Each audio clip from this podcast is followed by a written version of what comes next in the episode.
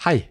Denne episoden av Filmfrelst presenteres av distributøren Another World Entertainment, som i en årrekke har servert oss kult- og kvalitetsfilmer av regissører som Gaspar Noé, Xavier Dolan og Hirokazu Koreda. I disse dager presenterer Another World det kritikerroste spenningsdramaet RMN på kino i Norge. Et nytt storverk fra gullpalmevinner Christian Mungiu. Montage skrev om filmen at Mungiu gransker rumensk identitet, selvforståelse og frykten for det ukjente i en engasjerende, uforutsigbar fortelling. RMN vises på norske kinoer fra fredag 5. mai.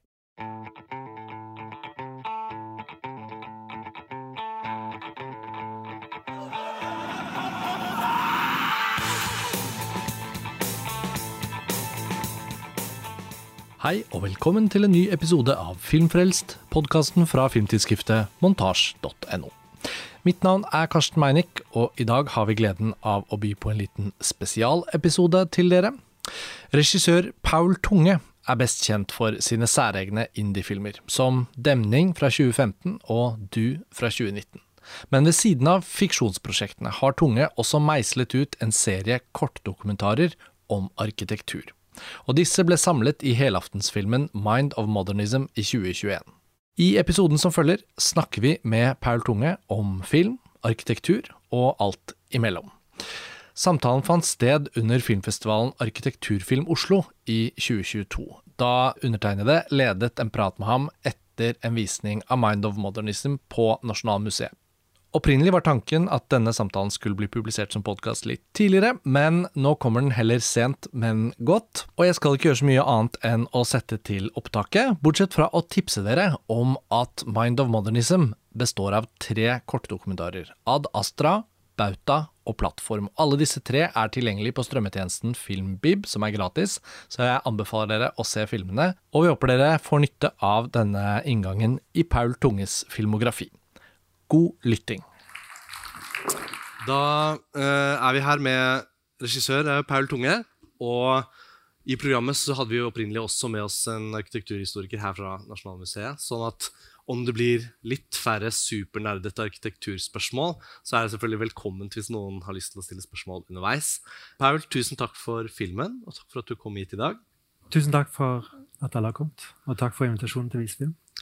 Arkitekturfilm Oslo er jo en festival der møtepunktet mellom to kunstformer, filmen og arkitekturen, hylles og diskuteres gjennom ulike filmer da, som programmeres for nettopp å på en eller annen måte løfte den diskusjonen opp på lerretet. Og jeg tenkte da jeg ble spurt om å få snakke med deg om denne filmen, som egentlig da består jo av som vi ser, tre deler. Noen av dem kommer jo først som kortere filmer, og så er de samlet her. Og mm, det er så mange av valgene du tar i møte mellom da kameraet og bygget, som fusjoneres da i kinorommet her med oss, med lyd og bilde. Og det er liksom et veldig godt eksempel synes jeg, på hva som skjer når vi får liksom en klar linje mellom hva arkitektur er og kan være, når vi ser og er i det, og hva filmen og kinorommet da kan gi til det. Og det er vel sånn klart at du har hatt en, en eller annen idé her som har, har, har liksom blitt bevart hele veien. For det er så mange virkemidler og ting og ideer som kunne vært med, som liksom er skåret til side. Så det er liksom veldig sånn rent, syns jeg, mellom oss som tilskuere og, og, det dere har fylt filmen med. Da. Kan du si litt om den opprinnelige ideen til hvor dette startet, før vi liksom går inn i materien? Ja, um, det er mange innganger til det prosjektet. her. Jeg hadde vært og jobba på en del spillefilmer på Vestlandet og sett veldig mange av disse kirkebyggene som ligger helt isolert for seg sjøl. Som har en veldig slående arkitektur, og ble overraska over hvor lite mennesker som uh, bruker de. Man er, man er på en måte bevisst på at det fins mange ikoniske bygg, men veldig mange ligger i, i Distrikt-Norge. Og det er mer noe som bare fins i oss, at vi vet at de fins, og man blir påminnet av uh, noen fotografier innimellom. Men jeg tenkte at filmmediet kan være en måte å ja, ta Distrikts-Norge inn Altså tilgjengeliggjøre det, rett og slett. Mm. Så fant jeg òg ut at veldig mange av disse byggene er jo ikke verna. Og gjennom film så kan man dokumentere en form for uh, opplevelse av byggene, da, der man uh, får se hvordan byggene henger sammen, lysforhold, materialitet, hvor de er satt opp i samfunnet osv. Ja, for det er jo nesten som en simulator. Eh, og det er jo liksom kunsten på sitt beste. da, Om det er en menneskelig opplevelse av å leve som vi blir slynget inn i et sterkt drama. på en måte. Og så er det et eller annet her med at byggene i all sin sånn materielle bom, Der står de, og der skal de stå, kanskje til evig tid. Er jo da skapt for at de må nødvendigvis bli fylt av en eller annen form for bevegelse. da. Om det er oss når vi trer inn i dem, bor i dem, ber i dem. Eller om det er dere med deres kamera som da skaper denne gjengivelsen av bevegelse gjennom bygget. da. Og, og ofte veldig sånn i, i pakt med naturen. Men dette fraværet av mennesker det er jo noe av det første jeg vet ikke med dere, men i møte med filmen så føler jeg også at det er noe av det første som jeg litt hefter meg ved, ved siden av bildene og byggene. sånn, Hvor, men hvor er liksom Hvor er, hvor er folk? Men så fort man blir vant med det, og disse nydelige små uh, dyrene, da, øh, de indikerer jo også på en måte det fraværet. Og så dukker det jo opp noen mennesker der òg, da. Altså, du snakket jo litt om det fra de observasjonene rundt hvordan du fikk ideen, men også da fra disse opptaksdagene, da. Hvor bevisst ble det å på en måte skyve eh, levd liv og mennesker som yngler og kryr, ut av, ut av bildene? Eller var det naturlig at ingen var der? Altså Den filmatiske formen, eller ideen, eh, er litt inspirert av eh, Mikael Glavåger, som er en østerriksk dokumentarist som bl.a. har lagd en film som heter eh, 'Working Man's Death', som tar for seg utrolig kompliserte yrker i u-land. Og der følger han, følger han de gjennom disse forskjellige yrkene uten å intervjue de. Og det ble ideen til hvordan vi skulle gripe an denne filmen, der man skulle dels dokumentere, arkivere byggene, men òg gi en opplevelse av byggene. Og når vi kom til de forskjellige kirkene, så så man jo at det var ingen mennesker der. Mange av de var jo stengt pga. mangel på økonomi i forhold til strøm osv. Men det som var, var at det var et par folk som var ute og lufta hundene. Da. Og da tenkte vi at det kunne være en, en fin måte å skissere det opp på. da. Man ser jo i uh, Kirkelandet kirke i Kristiansund så var det da en mann man følger som går eh, over kirkekulvet der. Og han ble naturlig å ta med fordi han eh, bodde på et hjem rett ved siden av og, og hadde det som sin daglige rutine. At han hang rundt i den kirken og var fascinert over det rommet. Så dokumentasjonen av den kirken vil ikke være komplett uten ham? Nei, på en måte. Han er en del av det bygget. egentlig. Mm. Så ser man også senere i plattformen Plattform, den siste om eneboliger, at det sitter en mann i en uh, Vegnerstol og ser ut på utsikten. Og det var jo da arkitekten Bjart Mor på 92 under korona som inviterte oss inn til å lage den filmen. Og det var bare et sånn sterkt møte, egentlig. Ja, for det blir jo også et veldig sterkt bilde etter alle disse eh, byggene hvor vi føler oss litt sånn alene med bygget. da. Vi er nærmest på besøk oss, eh, uten at det er noen andre der. Ja. Og så når f.eks. han sitter der i den stolen ganske sent i filmen, så føles det jo som det er lenge siden vi har sett et menneske. nesten sånn. Så den der, du- det toucher jo litt på det sånn postapokalyptiske her også. da, at liksom All den tid disse bygningene mest naturlig vil bli stående som materielle eh, ting på jorden, lenge etter mange av oss, så er det jo et eller annet med det at skulle det bli sånn at disse bare står der en gang i fremtiden, så vil jo også disse bildene på en måte gjengi det. Men, ja, det syns jo det tilfører en veldig tydelig filmpoesi da, til arbeidet ditt. Og jeg har nevnt det litt for deg sånn, i, når vi har forberedt oss òg, at um, en ting er jo at denne filmen, dette prosjektet, har ved seg en sånn åpenbar dokumentarisk kvalitet. Det er en dokumentasjon, det er visuelle eh, på en måte nedtegnelser. Men vi ser jo Det lages jo en god del film og TV i Norge, og veldig veldig sjelden så anvendes filmspråket for sin poetiske kvalitet, for poetiske potensial. Og min bakgrunn som redaktør for dette filmtidsskriftet, men jeg jobber også som klipper, er veldig opptatt av hva filmspråket egentlig er kapabel til, og ofte hvor lite av det vi bruker. Hvor lite av det vi ser brukt. At vi omgis av konstante tilfeller av dramatiserte fortellinger med to mennesker som sitter sånn, og så går bildene frem og tilbake, og så er det over til neste. Ja. Mens når man støter på uh, filmpoesi da, på denne måten, så kjenner jo jeg at filmen og kinorommet virker inn på oss på en annen måte. Da. Og det kommer jo da til veldig fordel for hva vi får se her, disse byggene. Som jeg opplever at øh, med min bakgrunn ikke kan møte med en sånn intellektuell forståelse av arkitekturhistorien. Jeg kjenner ikke arkitektene eller deres bakgrunn, men fordi dere heller ikke med filmen eh, informerer oss med intervjuer, informerer oss med tekst som sier hvilket bygg som er hva, så blir jo også det strippet vekk. Så jeg syns jo den forenklingen, eller liksom nakenliggjøringen av hva vi får se, blir veldig poetisk. Jeg føler nesten at jeg har vært alle stedene. Men Jeg føler jo litt at jeg nesten har vært med å skape bygget nå. Da.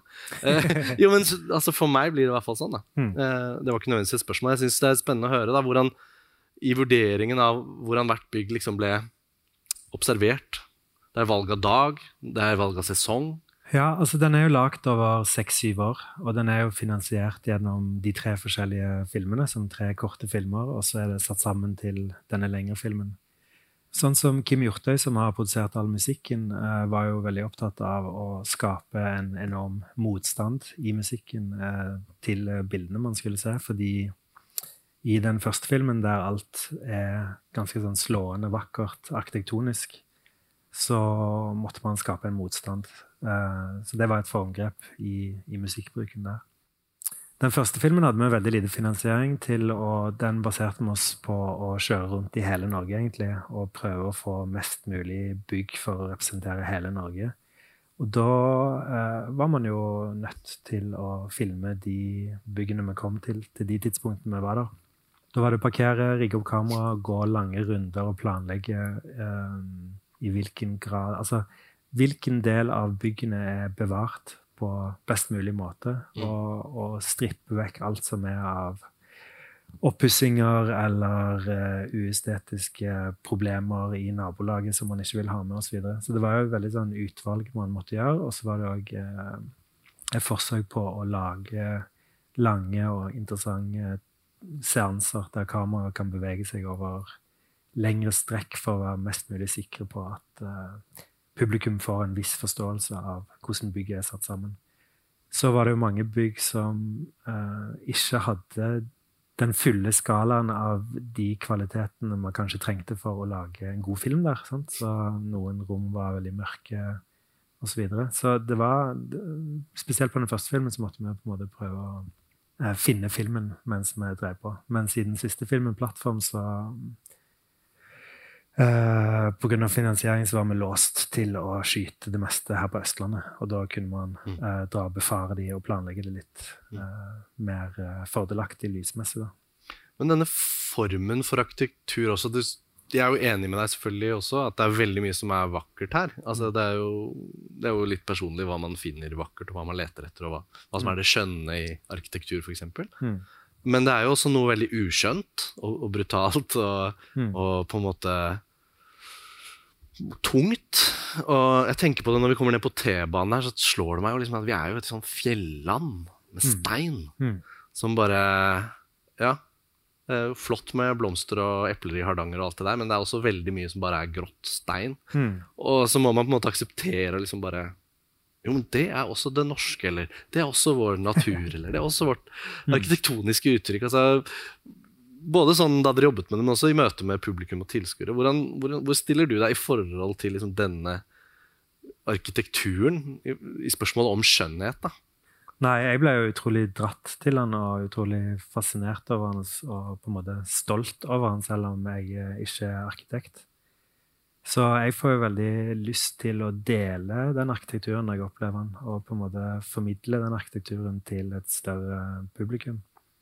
Og det er det jeg har prøvd med den filmen her, da, egentlig. Mm. Um, i, innad i filmen, altså sånn, den arkitekturen her jo, har jo vært litt utsatt og har jo møtt motstand. og det kan jo òg være at det er noe det Kim har tenkt på i den motstanden han har Musik. lagt i musikken. Da. I musikken, ja. Um, men eh, hver, hver, av de filmene forteller jo òg en, en, liten historie, da, tenker jeg, der uh, kirken var uh, viktig når modernismen kom, i form av at de uh, hadde økonomi, og de måtte være i utvikling i tråd med samfunnets utvikling. og på den tiden var det jo òg en enorm utvikling i ingeniørkunsten. Og i hvilken grad man kan bygge store overheng i betong uten støttesøyler osv. Så, videre. så Så kirken var jo, tror jeg, uten å være noen arkitektur, arkitekturhistoriker, eh, viktig bidragsyter til veldig mange ikoniske bygg. Mm. Og det, det, siste bygget i den filmen De fleste er jo fra 60- og 70-tallet, men det siste bygget er jo eh, Asker krematorium av eh, Cato Hølmebakk, som er fra 90-tallet. Og i den siste filmen, 'Plattform', ser man jo òg eh, første boligen Erling Viksjøs fra 58, tror jeg. Og så går man over til noen boliger av eh, Lund Hagem og Jensen og Skodin på 90-tallet. Så det forteller jo, i hvert fall for de som kan litt fra før, da, en eller annen form for uh, utvikling og de nyere generasjonenes svar på den tidlige modernismen. Mm. Jeg kunne høre et par sånn når en av byggene kom som åpenbart noen kjente godt til. Så, ah, der var det. Ja. og det er jo veldig flott å se. ikke sant? Mm. For meg var det jo uh, et særlig bygg som gjør inntrykk personlig, fordi det er jo den Nå husker jeg ikke helt hva kirken heter, da, men den er ned Er det Sankt Halvard? Ja. ja. Hvor uh, moren min tok meg med noen juler, Ja. vi var der. Mm. Og det er sånn utslettelig barndomsminne. Ikke bare pga. stemningen på en julaften og en seremoni i kirken, Mm. men også hvordan det bygget Jeg hadde aldri vært i et lignende bygg. da. Jeg tenker at Arkitekturen er jo ekstremt viktig. Også da all den Altså, vi er her, Nasjonalmuseet. Mm. I dag kom jeg hit for første gang etter at det er åpnet. Av ulike praktiske årsaker så har jeg ikke fått vært her før. Bestemte meg for å komme tidlig og bare tilbringe dagen her før vi nå er her nå. Og alt det nye som akkurat er bygd, eller det som kommer til å bli bygget, kommer jo til å spille en veldig sentral rolle i menneskers liv. Mm. Og kirkene er jo selvfølgelig fortsatt viktige i menneskers liv, men et tempel for kunst som vi har her, da, Mm. er jo også et sånt type bygg hvor man tenker at kanskje vel så mye eh, knyttet til en form for sånn sjelelig forankring i arkitekturen. Mm. Så ehm, her har du jo allerede dokumentert mange bygg. Mm. Eh, jeg vet ikke hvor mange det er totalt. Ulike Ikke jeg heller. Nei. vet ikke om det var noen som telte. Men um, føler du et kall her nå til å fortsette? For jeg tenker at det er jo, må jo være veldig mye som også fortsatt har behov for å bli dokumentert og fanget inn på en måte som du gjør i denne filmen. Eller kjenner du at dette var det, og så er det Nei, altså jeg har jo tenkt litt på å lage en film om stavkirker, egentlig. Ja. Um, Er ikke den laget, liksom? Nei, den er ikke laget, altså. Nei. Men jeg må nok ta en pause fra arkitektur. Men uh, en, en, annen, en annen grunn til at jeg ville lage denne filmen, var jo fordi jeg har et uh, personlig savn til å se kulturhistoriske dokumentarer om uh, ja, Nor Norges kulturarv, egentlig. Og det, det vil jeg gjerne bidra til. Så det fins jo utrolig mange ikoniske uh, kunstnere eller skulptører osv. Designere som uh, jeg planlegger å fortsette denne type form eller sjanger innen. Mm. Både en form for kunsthistorisk formidling og Tenker du da å beholde disse filmspråklige grepene som gjør det litt sånn som skiller det vesentlig fra en typisk konvensjonell dokumentar? Jeg tror ikke jeg kan noe annet. Nei? Men jeg må jo definitivt eh, begynne å våge å informere litt mer. ja. Vi lovet jo så vidt å åpne opp for spørsmål fra salen, da. Eh, så nå er ikke noe press på noen av dere. Men vi har en liten mikrofon som kan gå hvis det er noen som har lyst til å stille et spørsmål. Eller som har lyst til å tenke på det i to minutter før de eventuelt stiller et spørsmål til deg. Ja, her har vi et. Hallo? Sånn, ja. Jeg lurer på to ting. Eh, eh, Det ene er litt sånn tåpelig spørsmål, kanskje, men hvem er det som fant ut at betong er vakkert? Og så er det andre spørsmålet. Det som gjorde mest, eller som liksom levendegjorde dette veldig for meg, det var jo musikken. Så tenker jeg, Hva er betong uten musikk? Det var veldig sterke musikalske inntrykk. Kunne du laget den filmen uten musikk? Det tviler jeg litt på, egentlig. Eh, Jeg prøvde jo så godt jeg kunne å legge til filmatiske, tekniske grep som gjør at eh, Som er underlige. Som gjør at når man går rundt og opplever arkitekturen, sånn som i det første bildet i uh, Viksjøs bolig, så går man uh, gjennom stuen og ned trappen og ser ut mot utsikten. Så stopper man opp med en uh, detalj som går igjen på innsiden og utsiden, og stopper kameraet opp og ser litt på den før kameraet da snur seg og ser hvor man kommer fra. Som er et sånn typisk grep som man aldri gjør på fiksjonsfilm fordi man uh, skal late som om kamera uh, alltid blir leda av karakterene. Så jeg har prøvd å legge til så mange sånne grep for å skape en eller annen form for dynamikk som gjør at publikum kanskje aldri blir helt rolig på, på formen, aldri føler seg helt trygge. Når jeg ser tilbake igjen på den første filmen, som da er seks-syv år siden, så ble jeg jo litt pinlig berørt av noen av de formgrepene som er litt for punkete, på en måte. Um, men det som er det skumle med å lage en film som er strippa for moral og problemstilling, som man alle er så skolert at film eh, skal være, er jo at man tenker på Kjører man bare rundt her hele Norge på dugnad og filmer bygg etter bygg, vil det være opplevelsen man sitter igjen med. Så jeg tror jo musikk er veldig viktig for å skape en eh, mangefasettert film, eller bidra til dynamikken. Og så var det dette med betong, da. Ja, jeg lurte på om jeg kunne snike meg unna det spørsmålet. Uh, nei, si det. Personlig syns jo jeg det er utrolig vakkert, men jeg vet ikke om det er fordi det er et materiale som er menneskeskapt, som man kan forstå, som kommer fra naturen, selv om det er produsert. Uh, og at man ser eldringen og hva naturen gir tilbake igjen til strukturene. Jeg kan fortsatt minnes et sånt øyeblikk hvor jeg har lenge tenkt på Hvis det er sånn masse betong, en vegg bortover en T-banestasjon, men så er det likevel sånne små sånne striper, liksom. Mm. Sånn, hva, er, hva er? Og så kommer man litt nærmere, og så ser man liksom planken som støttet opp om betongen, og den liksom avtrykket fra den planken mm. der, og så var det den lille millimeteren mellom hvor det snek seg litt. Tenk på sånn, ja, Det der litt sånn ru, ærlige, u hva skal man si, i hvert fall uromantiske. Organisk. Ja, organisk, men også ikke så organisk på en mm. eller annen merkelig måte. Men det er jo det som i hvert fall denne filmen er med å åpne opp og kanskje diskutere litt. da. Mer enn å gi noen svar, så stiller den jo også en del spørsmål. ikke sant? Mm. For jeg syns jo at de myke kamerabevegelsene her, de kan jo innledningsvis invitere til en slags sånn romantisering rundt bygget. Ja. Hvor man på en måte sånn man venter jo liksom bare på at symfoniorkesteret skal liksom klinke til. Mm. Og så gjør jo Kim Hjortøy som komponist Eh, det motsatte, som ja. regel. Men så er det noe med at bevegelsen er vi også litt vant med at stopper etter at den har erklært at vi skal se på dette. Mm. I hvert fall i det vanlige filmspråket vi ofte ja. Støter på. Men dere stopper jo Da er jo på en måte noe med at vi får være med de bevegelsene mye lengre mm. enn vi er vant med. Og det er der jeg tenker at vi går inn i sånn, delvis en sånn simulatoropplevelse. Mm. Men også fordi alt liv, mye liv er fjernet her, da, som vanligvis ville vært der Mm. så opplever jeg også at det er noe sånn spøkelsesaktig over hvordan kamera stiller seg til arkitekturen. Mm. Og da blir det jo ikke romantiserende på den samme måten. Det blir også en melankoli her. Mm. Og da tenker jeg jo betongen er helt super. da. Den er jo litt trist. Mm. I sin skjønnhet, eventuelt, hvis han syns den er vakker. Ja. Ja, Det var heller ikke et spørsmål, da. Jeg beklager. Men eh, en sånn medfilosofering rundt eh, møtet mellom filmkunstneriske valg og arkitekturkunstneriske valg her. Da. Mm. Du snakket bitte litt om fremtiden. da, altså uh, For de som ikke kjenner dine øvrige filmer, så har jo også Paul laget flere fiksjonsfilmer, independent-filmer med skuespillere. Og så har jo disse tre kortere filmene som nå er samlet i Mind of Modernism, markert også deg som en filmskaper, fordi dette ligner veldig lite andre typer prosjekter vi ser i Norge mm. innen film. da. Mm.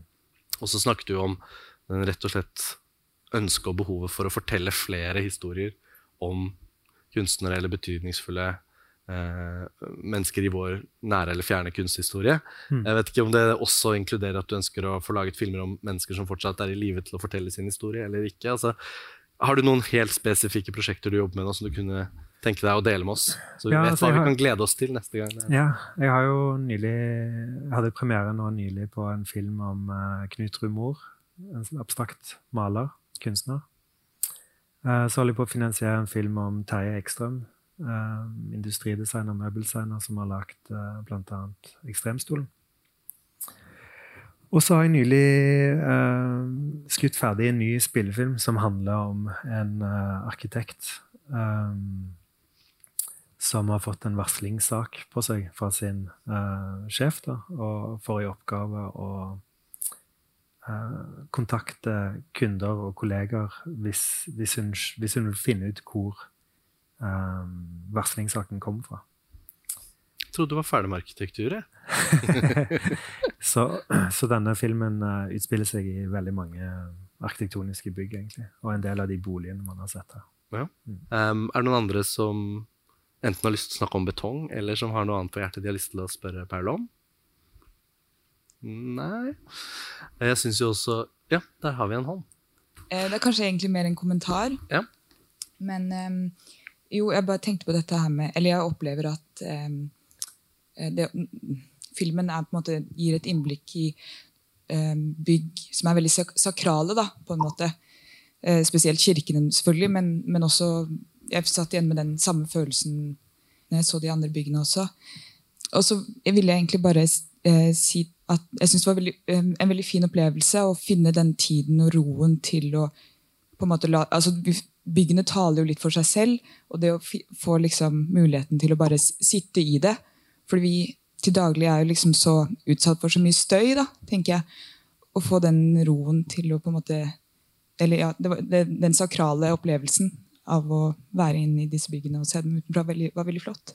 Mm. Tusen takk. Det er jo det som òg er ideen til filmen, egentlig. At det er så For jeg er jo ingen uh, teoretiker eller uh, historiker, så så jeg må bidra med, med, det jeg kan når jeg skal formidle denne type film. Og det er så utrolig mye som blir lagt, som har så mye innhold. Så tesen var kan man lage en film som ikke har noen moral eller problemstilling, men bare gir publikum en opplevelse. Også bare for å, Takk for kommentaren, men også dette med at vi, akkurat vi var samlet her akkurat i dag og opplevde denne filmen her etter mange år hvor alle bare har sittet hjemme og mye film har på en måte hele tiden blitt omtalt som innhold og sånn. Så, så i hvert fall for meg personlig er jo da tiden etter pandemien en av de viktigste periodene for å ta tilbake kinorommet som et sted for i dette tilfellet den opplevelsen. Neste kveld man går på kino, en helt annen. Men at ideelt sett så bør jo også den kollektive opplevelsen av en film, og særlig denne som inviterer til nettopp det du eh, opplevde, da, um, være det riktige rommet for det. Mm. Og den har jo vært vist mye på festivaler og, og hatt sitt liv på det store lerretet, mm. men ikke blitt vist på regulær kino. Uh, så det er jo en liten sånn sjeldenhet òg, at man, akkurat denne filmen kan få bli opplevd på den måten. Mm. mm ja. Takk. Var det andre? Ja, en til. Bare en liten kommentar og en, eh, en, liten eh, tangent egentlig til det spørsmålet du stilte om betong. Er det vakkert eller pent? Og så videre. og det var kanskje først og fremst takk for en veldig vakker film. Eh, men også takk for en film som på en måte var Den filmet ikke på en måte disse byggene i et veldig heroisk lys eller et veldig dystert lys. altså Ofte, som du var inne på i i film med karakterer og, og, en dramaturgi, så blir man fortalt hvem som er skurken og hvem som er helten. Mens her var det på en måte måten det var filmet på, åpnet opp for å tolke dette som stygt eller pent. Altså, filmen fortalte ikke hvordan den estetikken eh, skulle oppleves av den som så på det. det den var åpen på en måte mm. i, i, forhold til eh, hvordan du opplevde det. Og det, det er sikkert mange her som har opplevd disse byggene som ble vist som vakre. Og så åpner filmen også for å oppleve dem som stygge. Da. Og det syns jeg var en, eh, en, veldig kvalitet ved filmen. Ja, en annen ting var det også som kommentar. Den musikken gjorde jo egentlig, for meg i hvert fall, at, den, at det ga ro. Det ga ro til å se. Hvor, så snart du skrur opp for virkeligheten, som du gjør liksom, hver gang du går ut av bygget, så åpner du for lyden som er rundt. Mm. Da mister du også grepet, liksom. Da blir du kjent Å ja, det er byen rundt, og da, det, da kommer en masse andre bilder inn. Mm. Så det var en veldig fin måte å roe ned og være i sekvensen, da. Så det hmm. var veldig, veldig fint. Tusen takk. Fine kommentarer. Um, på sett og vis så har eh, vi for så vidt kommet til programtidens ende. Um, jeg vet ikke om det er noe annet som skal skje her akkurat nå, men uh, jeg er sikker på at vi kunne fått rom til et siste innspill hvis det er noen som har noe. Men Paul, for å gi ordet tilbake til deg, da, før vi avslutter, i hvert fall. Nå har jo de kortere kapitlene vært vist tidligere, og så har de blitt samlet, og så har du sett den og vært der med oss og sett den i dag. Altså, opplever du at det du snakket litt om, dette med å ha festet disse byggene til noe, at filmen gir dem en form for bestandighet sammen. Har det blitt virkelig, føler du? Har de rette menneskene sett den? Føler du at den har blitt fanget opp? da? En ting er pliktavlevering til Nasjonalbiblioteket i Mo i Rana, liksom. Men mm. hvordan opplever du liksom at responsen på filmen har vært? I lys av det, liksom? Nei, sånn Innledningsvis snakket du om hva er arkitekturfilm. Og jeg har jo ikke vært på så mange arkitekturfilmfestivaler, men Men jeg har jo fått en følelse av at denne filmen har ikke blitt plukket opp av så mange store internasjonale arkitekturfilmfestivaler, fordi jeg tror kanskje at den er eh, ganske egen. Fordi den har eh, dokumentasjonen av viktig arkitektur, men den har en veldig spesiell filmatisk inngang som gjør at den kan være litt vanskelig å plassere. Så som med alle mine filmer så gjør jeg det jo alltid litt vanskelig for meg sjøl, fordi jeg er veldig opptatt av å være eh, innovativ innen struktur og formgrep, og jobbe for å utvikle det og være eh, en frontkjemper for det, egentlig. Det er det som trigger meg mest innen film. Det, det må du holde fast ved. Ja. Og så får vi håpe at tiden hjelper eh, denne filmen, og liksom at etter hvert som vi og flere etter hvert har sett den, og at den liksom får stå der og markere på vegne av arkitekturen, men også Mm. på vegne av deg som filmskaper. Og så skal vi følge med på det som kommer. Paul Tunge, du har fortsatt mange filmer i deg, Ja, så det gleder vi oss til. Og tusen takk for fine innspill fra dere som kom her i dag. Takk for meg, takk til Arkitekturfilm Oslo og Nasjonalmuseet. Og så må dere følge med, da. Våren 2024 så er det klart for en ny utgave av Arkitekturfilm Oslo. Da gleder vi oss til det. Ok, ha det bra. Takk for i dag.